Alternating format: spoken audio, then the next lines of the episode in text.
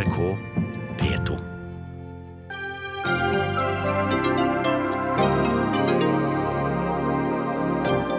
Den tidligere FBI-direktøren James Comey vitner mot Donald Trump. Kan forklaringen hans føre til at presidenten må gå av? Etter terrorangrep er det nesten blitt obligatorisk. Noen sier at vi må ta koblinga til islam innover oss. Men hva mener de vi skal gjøre med det, spør daglig leder i Minotenk, Linda Nord. To barn i Norge har fått meslinger, og det er smitteutbrudd i flere europeiske land, bl.a. som følge av vaksineskepsis. Er det på tide å innføre obligatorisk vaksinering av barn? Og hvis noen dør i en ulykke på kvelden, er det presten, ikke politiet, som må komme med dødsbudskapet. Nå tar flere prester til orde for å få slutt på ordninga.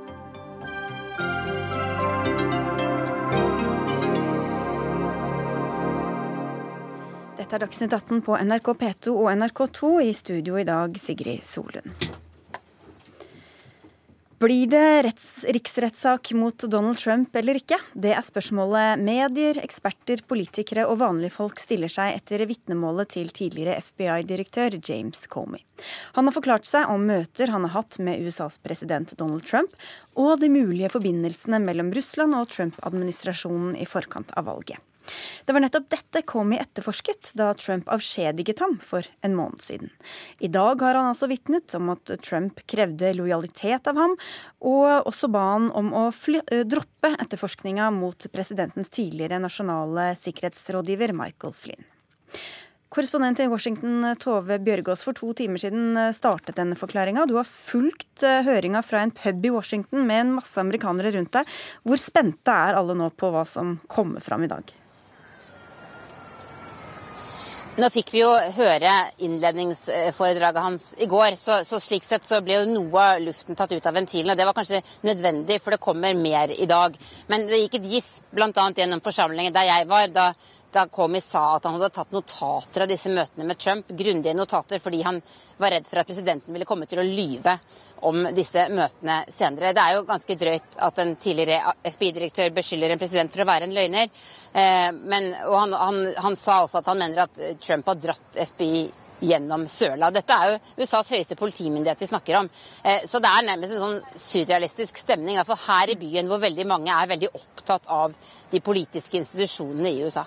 Trump har sagt at han kom til å svare på anklagene underveis gjennom Twitter. Har han gjort det? Så langt, i hvert fall hvis ikke det har skjedd noe de siste fire minuttene, så har han ikke gjort det. Da jeg var på den puben, så hadde de lovet gratis øl til alle dersom man tvitrer. Det blir veldig dyrt, for der var det flere hundre mennesker. Men advokatene til Trump har frarådet han sterkt fra å tvitre i dag. Fordi alt han sier nå, kan jo selvfølgelig bli brukt mot ham senere.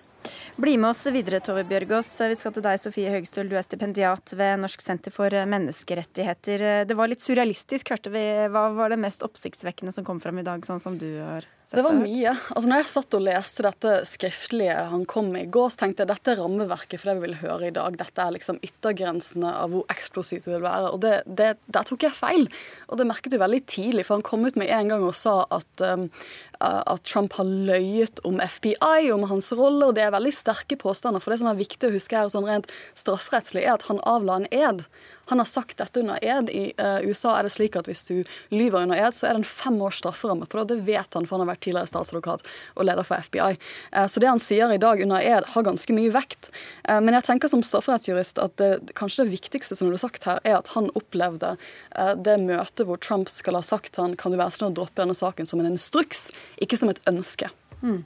Og så er det sånn at Comey sier i forklaringa si at han hadde ni én-til-én-samtaler ja. med Trump i løpet av fire måneder. Obama hadde bare to én-til-én-samtaler med han samme i løpet av denne tiden mens han var FBI-direktør. Hva forteller dette deg? Ja, altså, I løpet av tre og et halvt år så møter han Obama to ganger personlig, ikke over telefon. Siste gangen var for å si hal til Obama på vei ut, så egentlig bare én gang.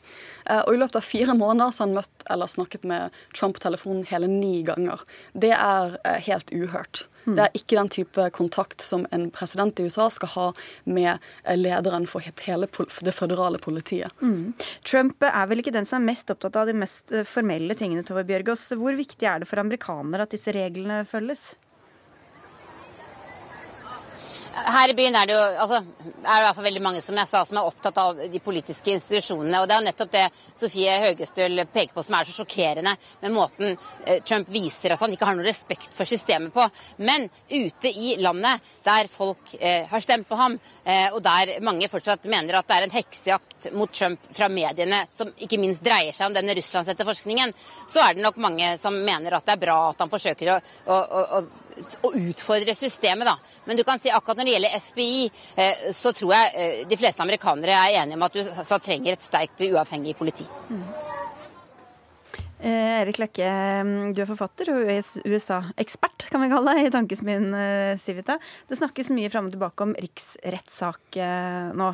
Før vi går inn på det, hva, hva er det for noe egentlig, en sånn riksrettssak? Hva innebærer det? Ja, Det innebærer jo at en sittende president vil bli fjerna fra eh, makten.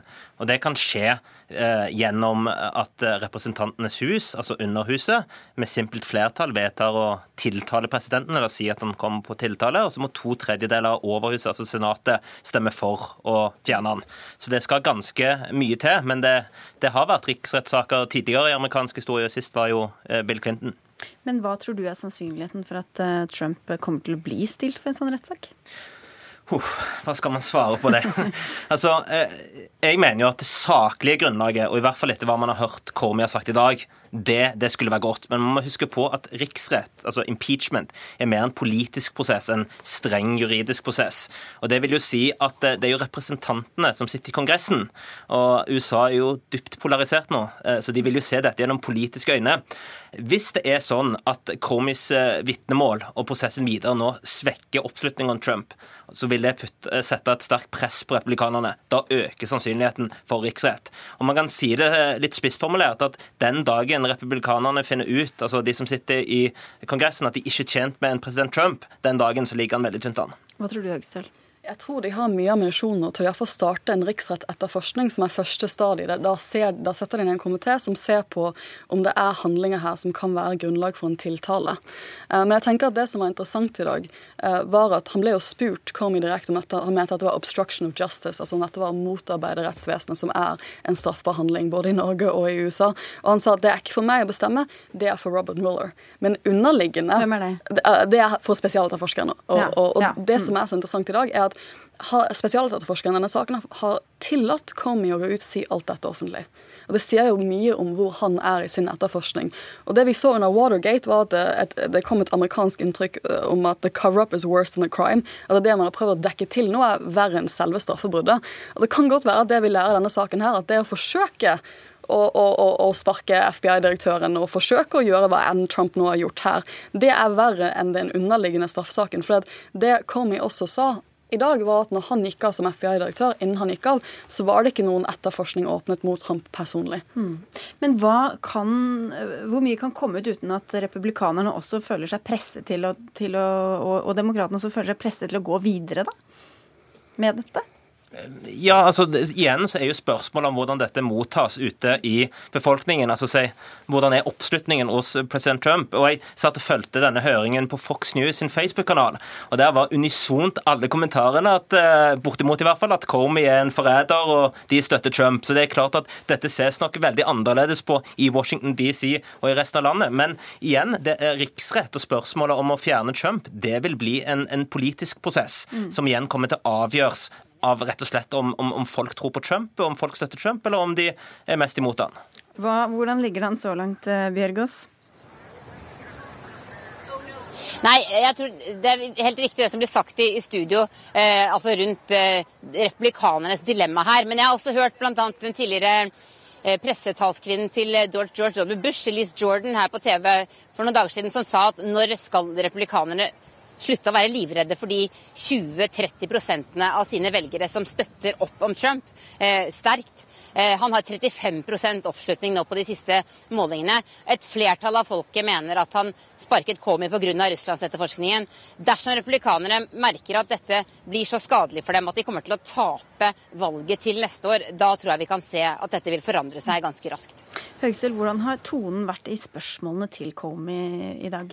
Ut ifra det jeg så før jeg kom i studio, så føler jeg jo at det ikke var så kritisk for en del republikanere som det jeg trodde. Og det var jo de republikanske spørsmålene som jeg var mest interessert i. For man visste jo egentlig at demokratene kom til å, å, å ha en viss interesse av å spørre en ganske snille spørsmål.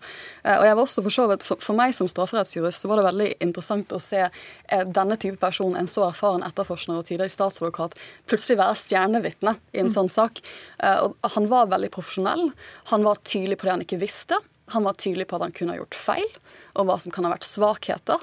Eh, og han, han fremsto således som å svare veldig ærlig på de spørsmålene han fikk, også kritiske spørsmål. Og det tror jeg han tjent videre sånn legitimitetsmessig. Og det er jo interessant å se om, hans, om Trumps støttespillere har valgt å se på denne livesendingen. For at, um, dette er jo, hvis de valgte å se på det live i dag, så er jo det ufiltrert av en del av de andre interessene som kan være på den type spisset medier man har i USA. Og da har du jo kanskje en sjanse til å få en innsikt i at dette er en veldig alvorlig etterforskning. Mm. Det er jo veldig interessant eh, stort sett alltid når Komi kommer og vitner. Det har vi også sett eh, tidligere. Sist gang han, han vitna, så sa han jo egentlig på en mer diplomatisk måte at vi har en løgner i Det hvite hus. Han sa sånn de hadde sett veldig nøye på påstanden fra Trump om at Obama avlytta han, og det er det stort sett ingen i Washington DC som, som tror på, oss, og så er ingen republikanere heller. Denne gangen så sa han rett ut at eh, han tok notater fordi han frykta at Trump lyver. Og da ser han jo det som stort sett alle andre ser, som vil se, at du har en eh, president i USA som har et litt eh, komplisert forhold til, til virkeligheten. Eh, videre så er det jo også interessant, som Sofie sa, at eh, måten han sa at han ble veldig stønt, altså han ble veldig perpleks når eh, Trump beordra alle ut, inkludert justisministeren, for han skulle ha en én-til-én-samtale med, med Comey. Han sa sånn ja, hvis jeg noen gang får den muligheten igjen, det håper man kanskje han ikke får, så vil det kanskje svart annerledes. Og Det illustrerer nettopp den faren en type som Trump er for institusjonen i USA. Selv når en så erfaren FBI-leder som James Comey blir helt perpleks i møtet, da sier det litt om hvilken type skade det kan gjøre, og hvorfor dette spørsmålet er så utrolig viktig. Ja, dette med justisministeren er interessant, for det er veldig tydelig fra det Comey sier det, at han mener at Jeff Sessions har ikke opptrådt redelig her. Han skulle visst Han har jo sagt at han har gått til James, uh, Sessions og sagt at du kan ikke la meg være alene med han sånn igjen. Dette må du fikse. Eh, og så har det ikke vært tilfelle. Han har fått telefoner fra presidenten likevel. Og eh, Vi har jo hørt mye snakk i media de siste dagene om at Chessens allerede har spurt om han kunne gå av, eh, og at Trump har sagt nei. Så spørsmålet mitt nå er hva skjer med Jeff Sessions de neste to-tre ukene? For dette var ikke en bra dag for han heller. Og ikke minst, hva skjer med Trump? Hvordan vil han svare på dette? Det er spennende. Den som lever for seg. Vi får håpe det er oss. Takk skal dere ha i hvert fall i denne runden. Tove Bjørgaas med fra Washington, til deg Erik Løkke fra Civita, og til Sofie Høgstøl, som er stipendiat til Norsk senter for menneskerettigheter. Dagsnytt 18 alle hverdager klokka 18. På NRK P2 og NRK2.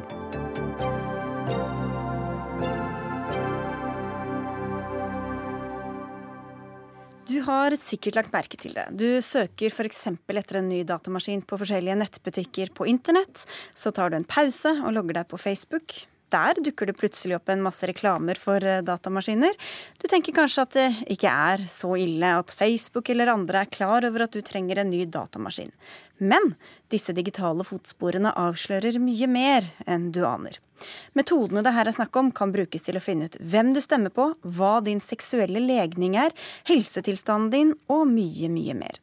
Retten til et privatliv slik vi kjenner det, er definitivt over. Det sier mannen som utviklet metoden for å analysere folk i eh, minste detalj, basert på Facebook-aktiviteten deres. Michael Kosinski, psychologist, data scientist and assistant professor at Stanford University, welcome. Uh, good evening, everyone. Thanks for having me. I was just telling the listeners about you. I hope you can trust I wasn't making it up.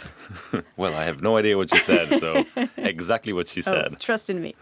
you have pioneered a method that can map people's personalities in milliseconds just by looking at their activities on Facebook and other traces on the internet.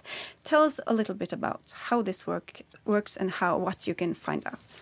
Well, I started as a traditional psychometrician, meaning that I was working on developing psychometric tests and questionnaires that allow you to measure people's psychological traits based on their responses to questions.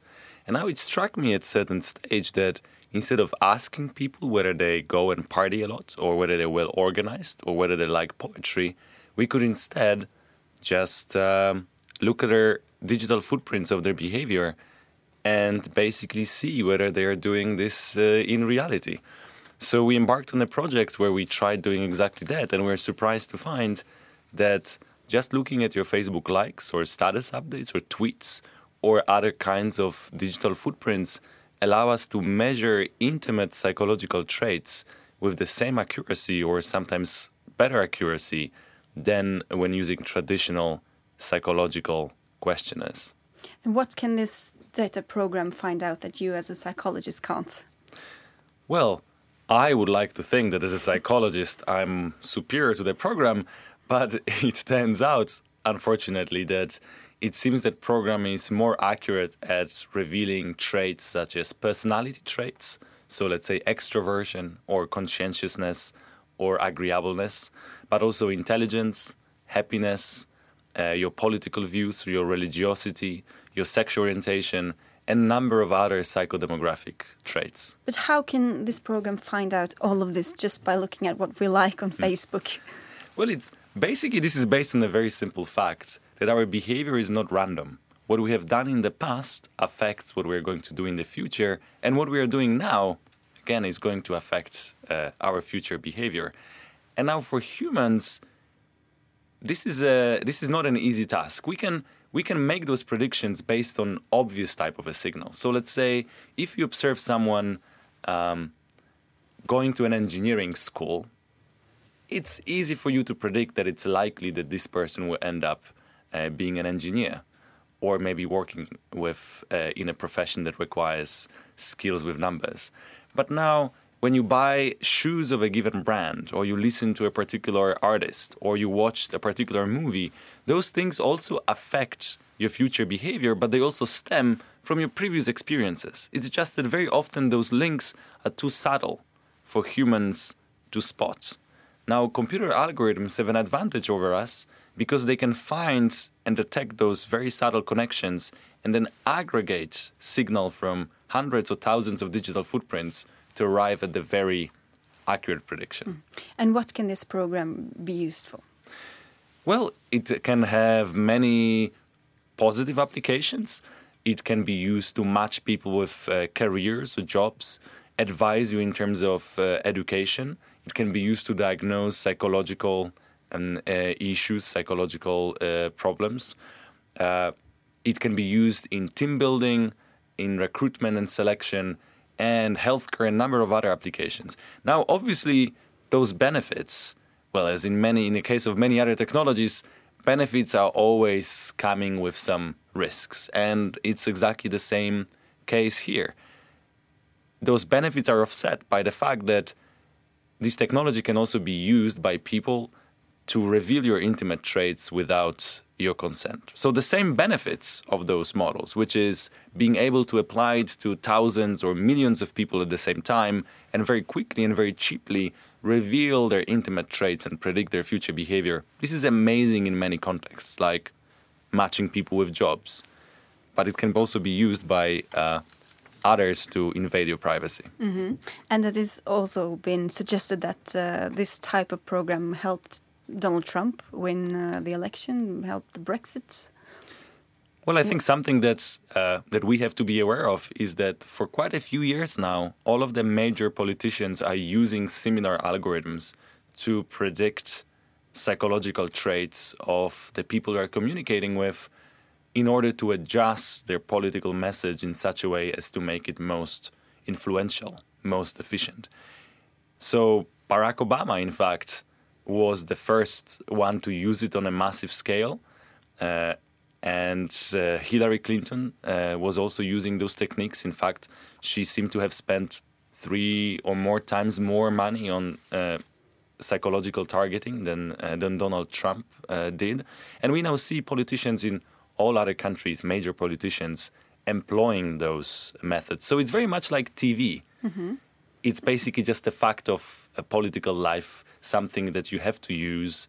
Uh, but your competition is also going to be using it. But how do they do it? Uh, before we were treated as as groups, now we are treated as persons, and it's aimed directly at us. How do they do it? Well, so before you would look at a group of people, let's say people who watch a given TV program or people who live in a given zip code, and then you would try to extract some average properties of these people their average age, their average gender, uh, their education, their psycho- psychological properties. And then you would design a communication or an ad that is best targeted, best, most efficient with this particular group of people. Now, technology got more efficient, including marketing or PR technology. And now, thanks to those algorithms that allow you to predict intimate traits of individuals, instead of looking at groups, you can now look at individuals and target people individually with messages. And now, what I think is very important is that I don't think that it's negative. Being treated as individuals in a in a political communication, I think it's way more superior to being treated as a part of the group. But if we're being manipulated into uh, certain actions, then that could perhaps be a bit negative. Well, that's true. That uh, that's true that influence uh, can be treated as manipulation, but there's a very uh, uh, there's an unclear border between things that are desirable and things that are not, not desirable. Convincing people not to smoke or pay their taxes or work uh, hard uh, at school, it's something that we'll all agree is a great thing. So this is a desirable influence. Now, on the other extreme, you have people being convinced not to go to vote or try or being convinced that some f- uh, fake pieces of information are in fact true. And then again, everyone would agree that this is probably a wrong use of such algorithms. But there's a huge kind of blurry area in between where uh, it's unclear whether a given form of influence is desirable and good for the society or the other way around. So when I try to limit the traces I leave uh, behind on the internet, you tell me that I, I shouldn't be doing that. Well, I think that there are only few ways in which you can try to limit the digital footprints we are all leaving behind. One way is to shut down your Facebook account, stop using Google, cut your credit card, uh, destroy your phone. But this would be sad, actually, not only for you, because you would use access to all of those amazing technologies that are making our lives better, easier, more enjoyable, but also very sad for the rest of the economy and all of your friends if uh, my friends would start disappearing from Facebook or I would lose ability to call them on their smartphone or message them using email, it's not only bad for them, but it's also bad uh, for me. I would hope that we will not do it. So in a way, I believe there is no going back. We are going to be increasingly migrating to the digital environment and leaving an increasing amount of digital footprints. And even if we got some amazing technology that allowed us to fully control what happens to our data, even if we've got amazing legislation that also gave us this control, at the end of the day, we want to share a lot of data with the others. I want my blog and my website to be visible to everyone who wants to look at it. I want my news uh, uh, feed updates, my status updates on Facebook to be visible to everyone. I want my tweets to be visible to everyone. Now, this is already enough information for an algorithm to be able to very accurately predict my future behavior and reveal my intimate traits. So basically, there's no going back. I think that we are very quickly heading towards a post privacy age. Okay. So goodbye to privacy, but let's just embrace it. uh, I'm not very happy about it, but I think that uh, this is something that we have to come to terms with. okay. Thank you very much for coming, Thanks Mikhail. Kosinski. Thank you.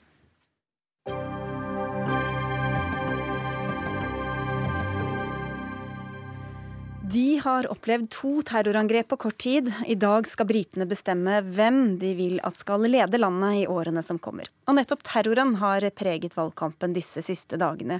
Korrespondent i London Espen Aas, men akkurat hvordan har disse angrepene påvirket agendaen?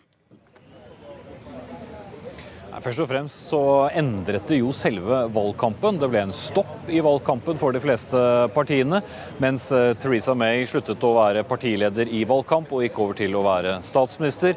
Noen vil kanskje hevde at det ga henne en mulighet til å dra inn noen stemmer eh, likevel. Og så fikk vi jo denne voldsomme debatten da, om hvordan man skal både forhindre eh, terror videre, men også bekjempe en del av de problemene som Storbritannia har med over 20 000 jihadist-lignende eh, personer rundt omkring i landet, mens eh, politiet jo som kjent eh, kun klarer å holde 3000 av dem under oppsikt. Og flere av disse som har vært involvert i terrorangrepene i det siste, har jo nettopp vært folk som politiet har trodd ikke utgjorde noen trussel, men som eh, gjorde det. Nå var det altså statsminister Theresa May selv som ville ha dette nyvalget. Hun ville styrke posisjonen sin i forkant av forhandlingene med EU etter brexit. Hvordan går planen til May så langt? Hmm. Ja, det avhenger jo da naturlig nok av eh, utfallet. Eh, Theresa May trenger jo 326 seter for de konservative her inne i parlamentet for å få knappest mulig flertall. I dag eh, så har hun elleve seters forsprang, og det mener hun er for lite. Det skal ikke så mange opprørere til i partiet før hun sliter med å banke gjennom saker. Håpet hennes var å øke det med flere titalls. Om hun får så mange, gjenstår å se. Målingene som har kommet i dag, tyder på at hun ligger noe bedre an enn det så ut til for noen dager siden. 12 prosentpoengs forsprang på Labour i én måling i dag, 7 prosentpoeng på en annen. Eh, flere ledende meningsmålere som nå hevder at meningsmålinger er mer til å stole på, sier at hun kommer til å øke sin majoritet. Flere parlamentsmedlemmer har også eh, antydet det samme. Parlamentsmedlemmer som tilhører andre partier enn de konservative. Den nevnte Labour-lederen eh, Jeremy Corbyn har jo vært veldig omstridt, men han har vel gjort det i hvert fall bedre enn det man trodde en stund. Hva er det han har vunnet på, hvilke saker er det? Han hørte mye bedre enn forventet, egentlig. Og han har klart å appellere på hjertesaker. Theresa May var jo mest opptatt av å snakke om brexit, men eh, Jeremy Corbyn kuppet det litt og begynte å snakke om det folk egentlig er opptatt av. Sånn som f.eks. tilstanden til NHS, altså det offentlige helsevesenet her i Storbritannia. Han tok opp problemet med at uh, du må betale tett oppunder 100 000 i året for å studere i dette landet på en god del universiteter.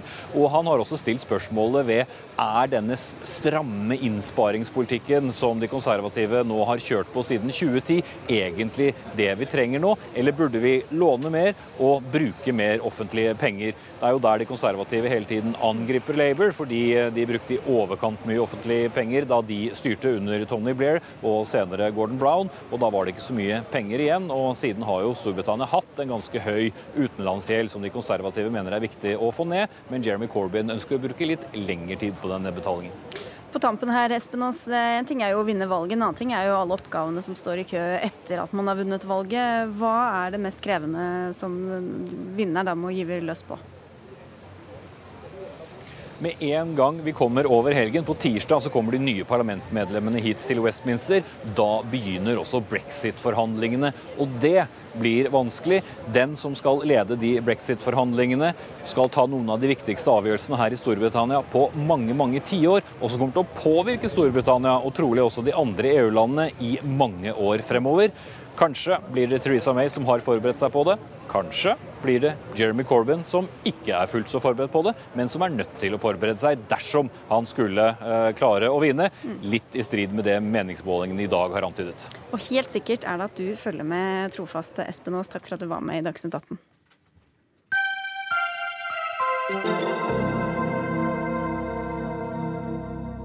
Et lite stikk kan gjøre en stor forskjell. Likevel lar en del foreldre være å vaksinere barna sine. I Italia blir tolv barnevaksiner nå obligatoriske etter en offentlig vaksinedebatt som er kommet etter en kraftig økning av meslingutbrudd. To slike utbrudd er registrert i Norge. Og Ingeborg Senneset, du er journalist i Aftenposten, og du er også utdanna sykepleier. Og nå tar du til orde for at også Norge bør tvinge foreldre til å vaksinere barna sine mot meslinger. Hvorfor det? Uh, ja, det er jo en måte å si det på. Litt mer tabloid enn det jeg skrev det. Um, jeg skrev i utgangspunktet en kommentar i 2015 som uh, gikk på det at uh, tvangsvaksinering er egentlig en litt grov måte å, å kalle obligatorisk vaksine på. Um, og sa at jeg har tvilt meg fram til at det kunne være en god løsning. Um, og da det egentlig ble aktualisert igjen nå, Eh, så gikk jeg gjennom eh, argumentene mine og så om det var noe som hadde endra seg. Eh, jeg syns fortsatt at det er gode argumenter mot tvangsvaksine, i hermetegn. Men jeg tror òg at vi trenger å, å, holde blikket litt på hvem vi skal beskytte og ikke. Mm. Fordi For meg så handler det om hvilket ansvar jeg har som journalist og medmenneske og sykepleier, og det er å ivareta de aller svakeste. Um, og det er jo da snakk om barn eller voksne med ulike tilstander som gjør at de ikke kan få vaksine, og som er avhengig av at de rundt uh, tar det sosiale ansvaret. Um, samtidig så tror jo jeg veldig sterkt på både uh, frihet og på frivillighet. Um, og syns jo at uh, begge de to hensynene skal ivaretas. Og så kan man tenke litt på hvem sin frihet og frivillighet er det vi skal holde fremst. Er det friheten til dem som f.eks. ikke kan risikere å ta en buss fordi at det kan være noen som er smitta der? Eh, eller er det dem som har lyst til å kunne ta med barna sine på reise um, til ulike landsdeler, uh, være med på en skoleavslutning på Nesodden uten å risikere å uh, få et sykt barn? Eller er det friheten til dem som ikke har spesielt lyst til å ta en vaksine? Og da landa du altså som du gjorde uh, her, altså at man bør ha obligatoriske. Jeg landa på det da, ja, og syns nå fortsatt at det er aktuelt. Men jeg åpen for andre løsninger. For jeg er som sagt opptatt av frihet. Vi kan jo høre dilemmaene her. Jon Arne Røttingen, du er tidligere smitteverndirektør ved Folkehelseinstituttet. Nå er du direktør i Forskningsrådet. Om vi kaller det tvang eller obligatorisk vaksinering, det går jo litt ut på det samme. Hva, hva synes du om en sånn løsning? Eh, vi deler et felles mål eh, om at vi ønsker å, eh, at vaksinasjonsraten er så høy som mulig, at dekningsgraden er høy, for å beskytte nettopp hele befolkningen. Og Det er jo et spesielt, det er et helsevalg man tar ikke bare på vegne av seg selv, men på vegne av grupper. Og Da er det særlig liksom, de som da ikke kan ta det valget på vegne av seg selv og beskytte seg pga. andre sykdommer f.eks., eh, de er særlig sårbare. Og Derfor skjønner jeg veldig godt eh, nettopp problemstillingen om man skal gjøre det obligatorisk. Eh, og noen, I noen land er det obligatorisk. Jeg har sett både i USA, og der er det i flere stater en forventning og et krav at man vaksinerer barna før de går inn i barnehager og i skole. Men, Men. utfordringen er at det, det, bør være en veldig streng grense for hvor samfunnet tar valg på vegne av eh, befolkningen.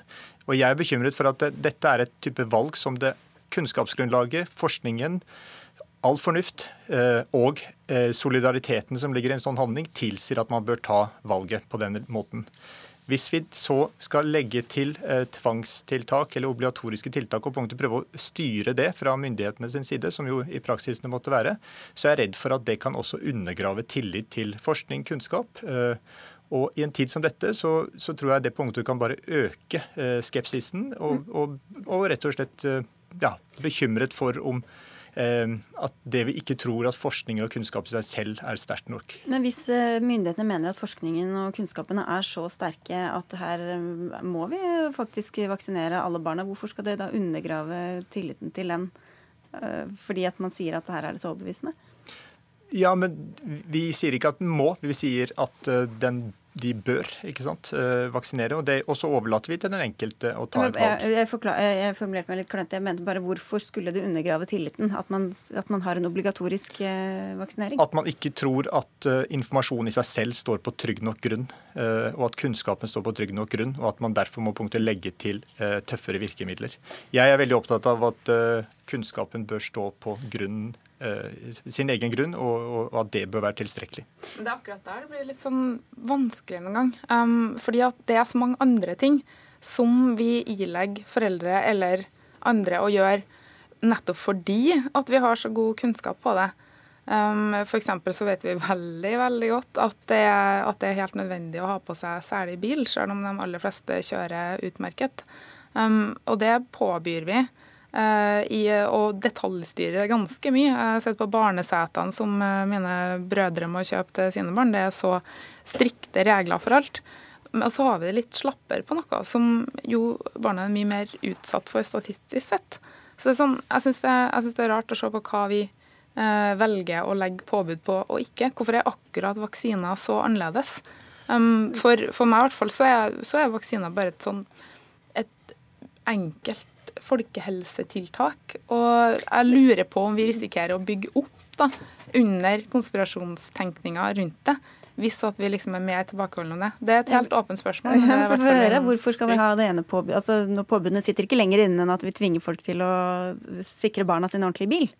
Ja, men vi skal huske på at det å gi legemidler, det å gi vaksiner, det, eh, selv om vi all kunnskap tilsier at det er trygt, så er det alltid en liten gruppe som har en risiko. Eh, og Derfor tenker jeg at det er en annen type intervensjon eller en, en, eh, enn eh, bilbelter eller, eller andre type kontrolltiltak, reguleringer, som begrenser atferd, for å si det sånn. Da. Vi må høre litt om hvordan tilstanden er. Hanne Nøkleby, du er fagdirektør ved Folkehelseinstituttet, og du er barnelege. Hvorfor ser vi flere meslingutbrudd rundt omkring nå? Ja, Det er jo egentlig ikke helt riktig at vi ser mer, for det har vært masse meslinger i Europa i ti år. Det har vært litt mindre de siste par årene, men det har vært mellom 15 000 og 30 000 tilfeller i år i Europa i mange år. Så dette er helt stabilt, den situasjonen Så dette er stabilt. Problemet er at vi klarer ikke å få det noe bedre. Men i Norge er situasjonen veldig bra. Vi har i praksis eliminert, som det heter, altså utryddet meslinger hos oss. Det sprer seg ikke. Eh, med mindre da noen kommer inn og med smitten. Mm. Og utfordringen for oss da er jo å ha så høy vaksinasjonsdekning at de ikke finner noen å smitte. Men det har vi vel ikke overalt? Eh, vi har det ikke overalt. På landsbasis er det veldig bra. Den er 96% for alle spedbarnvaksinene nå, og det er jo kjempebra. Og det er klart at for det første er det et minimumstall, sånn som vi måler det. Mm. Og for det annet så kan du si at av de fire prosentene så er det relativt få som egentlig er motstandere av vaksine. De, stort sett så er det fordi at man av en eller annen grunn ikke klarer å møte opp eller blir funnet i tide eller ja, et eller annet sånn praktiske grunner. Så i Norge ligger vi egentlig veldig bra an, mm. men fordi da andre ikke ligger fullt så bra an, så er vi nødt til å passe på å holde dette oppe. Det er helt riktig. Ja, Hvis vi reiser til utlandet f.eks., da må vi være mer på vakt da Ja, og det er klart, så lenge det fins meslinger i andre land, så kommer det til å komme noen til Norge med meslinger. Så vi må være så godt vaksinert at vi stopper de utbruddene gjennom vaksine. Men bare et spørsmål til. fordi Hvor, viktig, eller hvor farlig er det å få meslinger eh, hvis du er, bor i Norge og, og, og få smitte her? For de fleste barn vil det være en svært plagsom, men ikke egentlig farlig sykdom. Men vi vet jo at de får mange får etterinfeksjoner som kan være alvorlige. De får redusert infeksjonsforsvar mot andre infeksjoner som kan vare i sannsynligvis flere år etter det de sier nå. Og noen få barn dør av det. Mm. Så det er ikke noen ufarlig sykdom. Så altså, vi kom på sånne som, eh, Det er ikke så lenge siden vi hadde en, eh, en eh, historie i Aftenposten om ei mor med en sønn med cerebral parese. Som er da fullstendig avhengig av at andre er vaksinert, for han kan ikke få den sjøl. Og han kan bli fryktelig fryktelig syk. Hvis han får feber, så kan han få epileptiske anfall. Så hvis han blir syk, så går det veldig hardt utover han. Så det er litt sånn eh, De fleste norske, helt vanlige barn vil jo takle en sånn der sykdom godt. Det vil være kjipt. Eh, men det vil kanskje være verre for ganske mange å vite at de har smitta en annen. Men hvis vi skulle ha tenkt litt sånn på alternativer, for jeg, i hvert fall jeg er veldig åpen for at vi kan gjøre andre ting enn å gjøre det obligatorisk, um, så har vi selvfølgelig informasjon, som i hvert fall både jeg og Jon Arne er veldig opptatt av. Og det andre var Per, per Helge Måseide i VG. Eh, han har foreslått å føre opp meslinger på den lista over allmennfarlige sykdommer. Eh, og da vil det, det vil innebære det at hvis eh, det faktisk blir et utbrudd, så, så har myndighetene adgang på å gjøre mye større tiltak enn hva de har akkurat nå, men det vil fortsatt være frivillig sånn jevnt over. Og det vil, det vil da gi litt mer sånn muligheter. Eh, jeg ser at du nikker, så jeg skal stoppe her. Men, men en, av de, eh, en, av de, sykdommene som er på den meslingvaksinen, MMR-vaksinen, kopper, den er mindre sånn sett farlig, men den er allerede på den lista. Så det er veldig rart at ikke meslinga er der. Jeg får høre med dere, da. Mm. Ja, det, det, er vi helt enig i. Og vi har tatt opp en del ganger, for det gjør jo nettopp at det ser mindre farlig ut enn det er. Så mm. det bør vi ta opp med Helsedepartementet på ordentlig vis. Men ellers så syns jeg det store spørsmålet er jo egentlig ville vi få en høyere dekning hvis vi gjorde den obligatorisk? Og jeg er litt usikker på det. Mm. Jeg tror En av grunnene til at det går så bra i Norge, er at vi har et veldig godt system gjennom helsestasjonene som har høy tillit i befolkningen, og som er helt avhengig av å beholde den tilliten. Og hvis de får en sånn litt passe på å få dekningen oppholdet, så kan det få flere forskjellige utslag. Vi er nødt til å avslutte. Bare et veldig kort spørsmål til slutt. Hva med oss voksne som ikke har vært vaksinert siden barndommen? Må vi også revaksinere oss? Ja, Det tror jeg nesten Hanne skal få svare på, men det er riktig. Mm. Nei, vi regner med at man har livslang immunitet. For meslinga ja, men ikke f.eks. for, for kusma. Ja. Nei, ikke fokus på. Det er riktig. Ok, Da vet vi det. Takk skal dere ha, i hvert fall alle tre. Ingeborg Senneset fra Aftenposten, Jon Arne Røttingen eh, fra Forskningsrådet nå, og Hanne Nøkkelby fra, eh, fra Folkehelsa. Takk skal dere ha. Hør Dagsnytt 18 når du vil. Radio NRK.no. Når terror rammer, hører vi det gang på gang. Muslimer må ta et eh, oppgjør med islam. Sitat. Denne gjentatte beskjeden førte til eh, Nei, nå sa jeg litt feil her. Denne gjentatte beskjeden førte til følgende oppdatering på Facebook, og det er nå jeg skal sitere. La oss ta disse kloke mennene som uten forbehold knytter terroren i London til islam på alvor. La oss si at det skyldes islam. La oss si at det er muslimer som kan redde oss alle fra terrorfaren. Hva skal muslimer gjøre? Hva skal samfunnet gjøre med muslimer? Hvilke konkrete tiltak vil gjøre oss tryggere? Slutt. Det var du som skrev dette, Linda Nord. Du er daglig leder i Minotenk. Og hva fikk deg til å komme med dette, hvis vi skal kalle det utbruddet? Eh, det handler jo om at eh, jeg syns det er veldig forutsigbart reaksjoner etter, eh, etter, terrorangrep. Dessverre så har det vært en del av dem i det siste året, også på europeisk jord. Og det er mange som hevder at det er viktig at vi må si at dette her handler om islam. Og etterlyser særlig slike utsagn fra politikere. Og da lurer jeg på på en måte hva Og så hva så? Mm. Eh, la oss si det handler om islam. La oss si at det er islam som er grunnen til den terrorbølgen eh, som, eh, som, vi har hatt i verden eh, de siste årene. Altså, eh, det har jo vært en drastisk økning i terrorangrep i, i veldig mange land. Eh, de fleste i Altså i, ikke i Europa. og hva så? Hva, hva skal vi konkret gjøre med det? Mm. For meg blir det litt sånn tom retorikk. Også, også litt når vi snakker om islam som en helhetlig størrelse. Én eh, ting er om man peker spesifikt på islamisme eller salafi-jihadisme, eller også er litt mer spesifikt, men her snakker man jo om islam som en verdensreligion. Eh, mm. Som Ja. Så det hjelper Eller Spørsmålet er liksom om, om, det har noe å si at vi sier at det har noe med islam å gjøre, hvis vi ikke samtidig sier hva vi skal gjøre med det. Ja, de som etterlyser det, bør jo på en måte være litt konkret, hva, og så hva videre. Mm. Mahmoud Farahman, du er leder i LIM-nettverket, som er en ikke-statlig organisasjon. LIM står for likestilling, integrering, mangfold, og du er en av disse såkalte kloke mennene som Nord eh, viser til. Hvis vi da sier at islam og terror har en kobling, hva skal vi gjøre med det? Ja, jeg var vel sarkastisk, men dette er med kloke menn. La meg starte med det. Men eh, det, altså dersom vi klarer å innse at eh, religion også er en faktor her, så er det kanskje lettere å finne en løsning. En av de viktigste tingene som vi ser med terroren, spesielt i England, eh, som er de seneste eksemplene, er at religiøse samfunn har spilt en rolle. Imamer har, som ble ansatt av den britiske regjeringen for å jobbe med antiradikalisering i fengsel, har bidratt til radikalisering. Det britiske britiske Muslim Council of Britain eh, har motarbeidet antiradikaliseringsarbeidet. Så det ved å innse det, så er det kanskje litt lettere å finne litt gode løsninger. Og jeg har aldri sagt, iallfall jeg har ikke sagt at eh, man, muslimer skal begynne å gå i tog og ta avstand fra alt mulig rart. Det, det får eh, man finne ut av selv. Religion er en privat sak.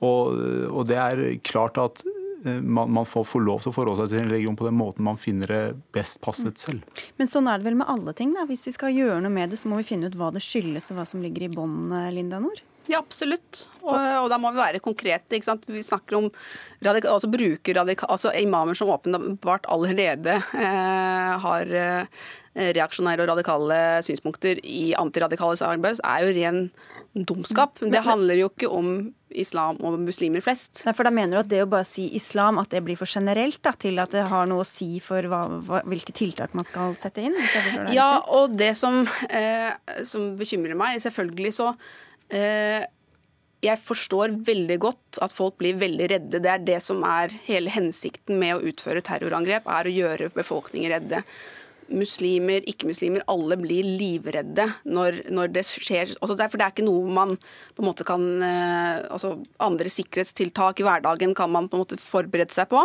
Det her kommer veldig overraskende og veldig voldsomt. Det forstår jeg veldig godt. Men da eh, tenker jeg samtidig at det er så viktig at vi må tenke på hvem vi er eh, på side med. Altså det her handler jo om de som vil støtte opp om et liberalt, fredelig, tolerant demokrati mot de som ønsker å ødelegge det.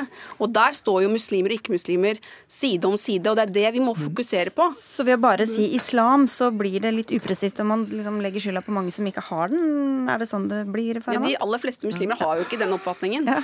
Ja, eh, det er nok, altså, jeg tror ikke Nord og jeg er så uenige på på akkurat det at de fleste muslimer her er, tar avstand fra terror, er, er, ikke interessert i det. Er ikke bryr seg veldig lite om de handlingene i Koranen som kanskje skisserer dette her. Mm. Men så tror jeg det er viktig at disse som Linda beskriver, liberale og sekulære muslimer som, som skal delta i samfunnsdebatten, og vise at også muslimer kommer i forskjellige farger og fasonger. Og så har jeg jo, sa jeg det innledningsvis, eh, skulle jeg ha sagt det iallfall, at jeg tror media kanskje har bidratt til å gjøre denne debatten litt svart-hvitt. Mm. Fordi jeg, kan, jeg syns jo da i det siste par, fire, fem, seks månedene at islamisme har blitt eh, en mer debattert og mer omtalt, iallfall siste uka, eh, tema. Men er det noe i islams vesen, altså hvis vi snakker om islam som religion, som henger sammen med terror? Eh, altså Islams vesen, ja det spørs hvordan man tolker det. Det er jo en religion som kan tolkes, men det er passasjer både i Koranen og andre eh, skrifter som kan tolkes i den retningen. I større grad enn andre religioner? Eller? Ja, muligens. Og Sisi, den, Al-Sisi, den egyptiske presidenten, sa det jo veldig godt her på en tale ved Al-Azhar for ca. halvannet år siden, at man har tekster og deler av en religion som tilnærmet er en ideologi, som man har helliggjort på en slik måte at det er umulig å røre ved det og omtale det. Han oppfordret lederen ved Al-Azhar til å snakke om det, omtale, berøre det og forandre dette her. Og Da mener jeg at det er grunnlag til å si at det er problematiske deler her. Med det sagt så betyr det ikke at alle muslimer går i den retningen. De fleste gjør ikke det. Mm. Så man kan si at islam er problematisk eller har problematiske sider, uten å peke på alle muslimer, Linda Nord? Ja, definitivt. Og jeg mener jo helt klart at vi skal ta uh, altså utfordre disse tolkningene som strider med menneskerettigheter, som, som, som uh, strider mot likestilling. Uh, på alvor, uavhengig av terrortrusselen. For jeg tror ikke det har noen direkte sammenheng. Og jeg må jo også påpeke og fremheve f.eks. Sisi, som er en ekstremt undertrykkende eh, diktator eh, ikke akkurat er den rette personen da, til å fremme, fremme et sånn type eh, men, det, men, beklager det avbryter jeg, men altså, Poenget mitt er ikke et forsvar av Sisi, men poenget mitt er at han adresserer det overfor Azar. Det må vi få med oss og være klar over. Og Det er det som er kanskje litt av kjernen her, at når muslimer selv, muslimske ledere selv, ikke bare Al-Sisi, men andre også påpeker dette problematikken, så er det faktisk en reell utfordring. Og da er vi tilbake der vi starta til slutt her, Faraman. For hva skal være konsekvensene, da, hvis vi sier at islam eh, har en problematisk tilknytning til terror? Konsekvensene som jeg, eh, jeg tror nok det letteste er å begynne å innse at religiøse trossamfunn kanskje ikke alltid er løsningen. Sånn som Linda Nord her også påpeker, det å ansette imamer som bidratt til, bidrar med radikal lektyre og radikale prekener, er ikke løsninga på radikaliseringsproblemet. Det er det ene. Det andre er at moskeene må slutte å beklager ordet, importere imamer med ytterliggående meninger, synspunkter og ståsteder. Og så har storsamfunnet et ansvar. Vi har et ansvar i Norge på å prøve og iallfall komme i gang med en utdanning for våre egne imamer. Du får få siste ord her, Linda Nord. Ja, jeg, jeg, tenker jo at er, eh, Både mediene og myndighetene har jo et ansvar i å løfte fram et mangfold av muslimske stemmer. At ikke vi bare bruker de mest eh, konservative representantene. og Det har eh, vært en fantastisk utvikling de siste par årene. Så har vi jo fått et kjempebredt spekter av særlig unge kvinner med muslimsk bakgrunn som, som setter sterke preg på, på den norske medievirkeligheten. Så det er veldig positivt. Da fikk vi en veldig dannet samtale av en potensiell veldig polariserende engasjerende debatt. Det er viktig. Takk skal dere ha begge to, Linda Nord fra Minotenk og Mahmoud Farahman fra Lim-nettverket. Hør Dagsnytt 18 når du vil. Radio NRK.no. Denne tjenesten utført av prester er utgått på dato. Jeg får lyst til å streike. Det sier en sogneprest som mener Den norske kirke ikke lenger bør ha oppdraget med å overbringe dødsbudskap til pårørende på kvelds- og nattestid når det har skjedd en ulykke eller en annen dramatisk hendelse. Ifølge Vårt Land er det flere prester som opplever hele ordninga som en belastning. Inger Bekken, du er sogneprest i Den norske kirke, og det var du som tok dette opp. Hvorfor bør denne ordninga revurderes, mener du? Fordi at uh, vårt samfunn er i endring, som alle samfunn gjennom alle tider. Uh, og da må man uh, kikke på de ordningene man har i et storsamfunn og vurdere skal vi ha det sånn eller skal vi ha det sånn. Må det være sånn fordi det alltid har vært sånn, eller kan vi gjøre noe annerledes?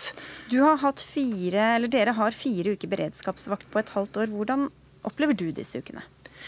Eh, jeg, før jeg begynner å snakke om det, så har jeg bare lyst til å si at det, er ikke først og fremst fokus på meg som blir viktig, eller oss prester. Det er den tjenesten vi gjør for disse menneskene som får et fryktelig budskap rett inn i stua si, eh, som er hovedfokuset. Mm. Eh, og når det er sagt, så er det jo kjempeviktig at hvis vi skal gjøre denne jobben, så trenger vi veldig gode rammer rundt det. Mm. Og har ikke, det har det ikke vært. Så det å ha fire sånne uker da fra januar til juli er ganske belastende. Men da tar vi det overordna. Stig Jørund Arnesen, du er også prest, og du er leder av eh, Fagforbundet Teologene. Hvorfor er dette en oppgave som prestene bør ha?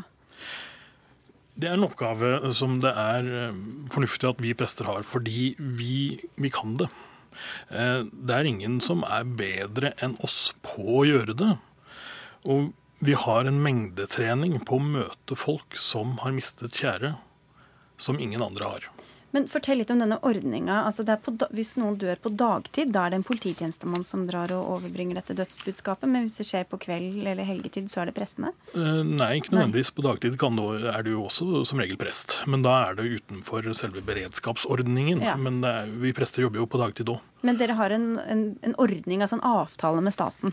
Ja, ja, det er en eh, avtale med staten. De ønsker at vi skal utføre dette for dem. Mm. Og så har vi en avtale med vår arbeidsgiver om hvordan vi skal gjøre det.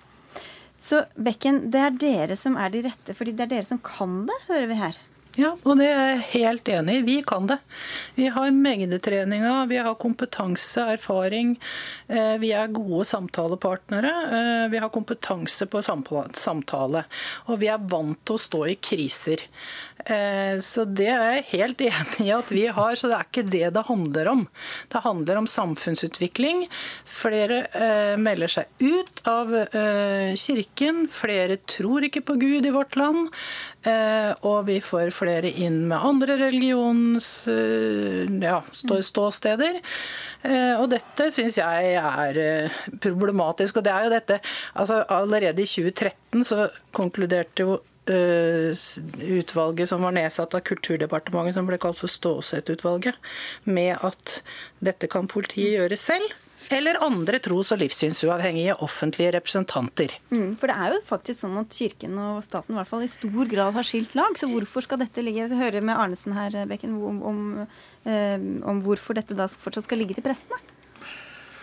Jeg, jeg, tenker at det, er, det, har med, det, har med, vår kompetanse å gjøre, at vi kan det. Det er så. Men, men det har jo også med Det har jo også med at vi vi behersker det. Altså det, det er også en praktisk ordning. For dere får penger for det? Vi får penger for det. Er det det som ligger til grunn? Nei, det ligger ikke til grunn. Altså, jeg opplever det som meningsfullt. For så vidt ikke det å vente på telefonen, men det å rykke ut. Det er en veldig meningsfull del av prestejobben, selv om jeg da, når jeg møter eh, de pårørende, ikke kommer med et eneste lite gudsord. Nei, fordi det er jo det store spørsmålet. Altså, hvis, eh, hvis en ateist eller en muslim eller buddhist eller hvem som helst annet åpner døra, og der står det en prest og kommer med mm. dette budskapet, hva gjør det? Da skjønner veldig mange hva som er i ferd med å skje. For da har, på deg prestekapp, da har jeg ofte på meg presteskjorte hvis jeg gjør det. Og det minste problemet deres da er at jeg kommer der som prest. Det største problemet deres er det jeg skal fortelle dem. Mm. Og da er vi der som profesjonelle medmennesker som kan dette. Har du opplevd noen eh, ubehageligheter eh, i, kraft av å være prest med det budskapet, Bekken? Eh, nei, ikke, det har jeg ikke, sånn eh, rent personlig. Men når denne debatten går, så hører jeg jo sånne fortellinger. Eh, og det er særlig fra Oslo, selvfølgelig, hvor folk kanskje ikke vet helt hva en prest gjør for noe. At det er tradisjon for dette. Landet vårt er langt, og det er veldig annerledes for en prest i en bygd hvor alle kjenner alle. Men jeg har ikke personlig hatt den opplevelsen. Jeg bare jeg, jeg har lyst til å fortelle. Jeg har fått eh, en eh, melding inn, jeg kjenner ikke vedkommende, men fra en som underskriver med at han er humanist, og han takker for at jeg tar opp dette temaet. For han har vært i en situasjon hvor han er blitt møtt med prest, og han har syntes det har vært dypt problematisk, og syns at at eh, det er viktig at vi snakker sammen om disse tingene, og at ikke det blir en sånn polarisert debatt mellom eh, steile fronter mellom humanetikere og eh, ja, oss som tror. For selv om ikke du som prest Arnesen tar opp noe med Gud eller religiøse ting hvis hvis du møter da noen med dette budskapet, så er det kanskje ikke altså, de, møter jo deg som prest likevel. Og de har lyst til å vite hva som har skjedd og hvordan, og, og, og, måtte, kommer i en krise. Og så møter jo de deg som prest, selv om ikke du opptrer som deg. Kan det være problematisk? Ja, det kan sikkert være problematisk. Uh, ja. Ja. ja. det kan sikkert men, være problematisk. Men ikke så problematisk at du, ikke, at du vil gjøre om på ordninga? Eh, nei, altså, nå har, nå har, jeg også opplevd å bli sendt ut eh, på dødsbud hvor det, hvor det, viste seg at dette var en kjenning av politiet jeg skulle til. Og Jeg spurte da om de burde være med, og svaret tilbake var eh, nei. Det var best om de ikke var der. Så, så dette, dette, dette, er, her er det, det er vanskelig å ta den vurderingen som på forhånd. Vi fikk i hvert fall eh, debatten. Eh, takk til dere begge to for det. Ingrid Bekken, du er sogneprest på Nøtterøy, og deg, Stig Gøran Arnesen, også prest, men eh, altså også leder i Fagforbundet Teologene. Takk skal dere ha.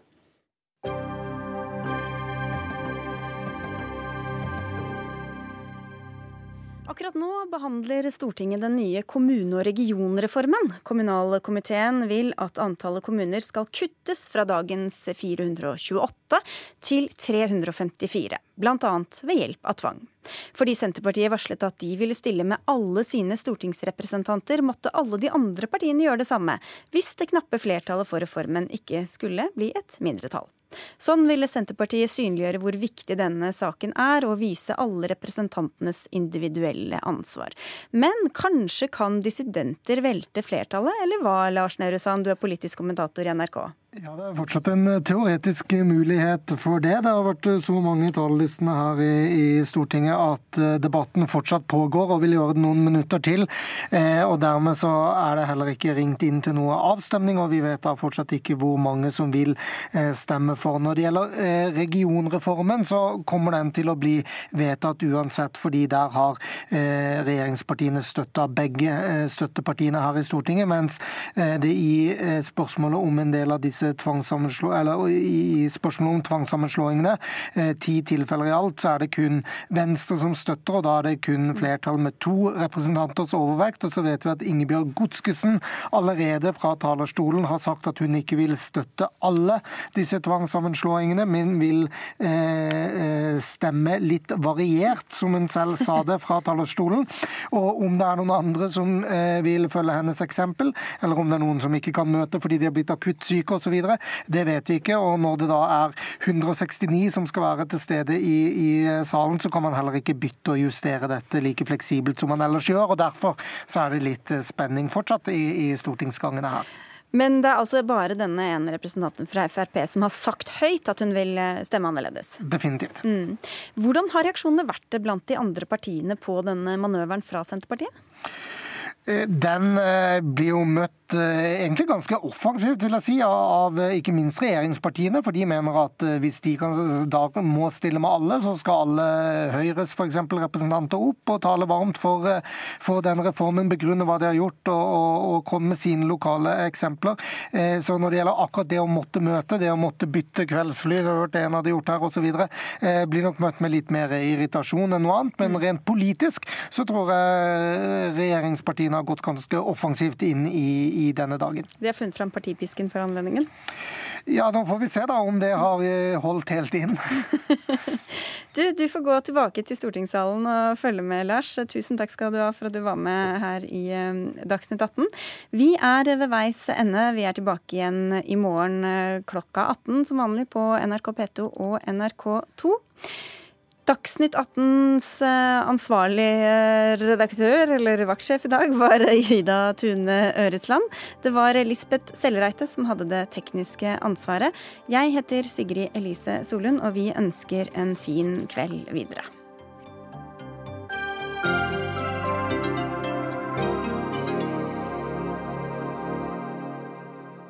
Hør flere podkaster på nrk.no podkast.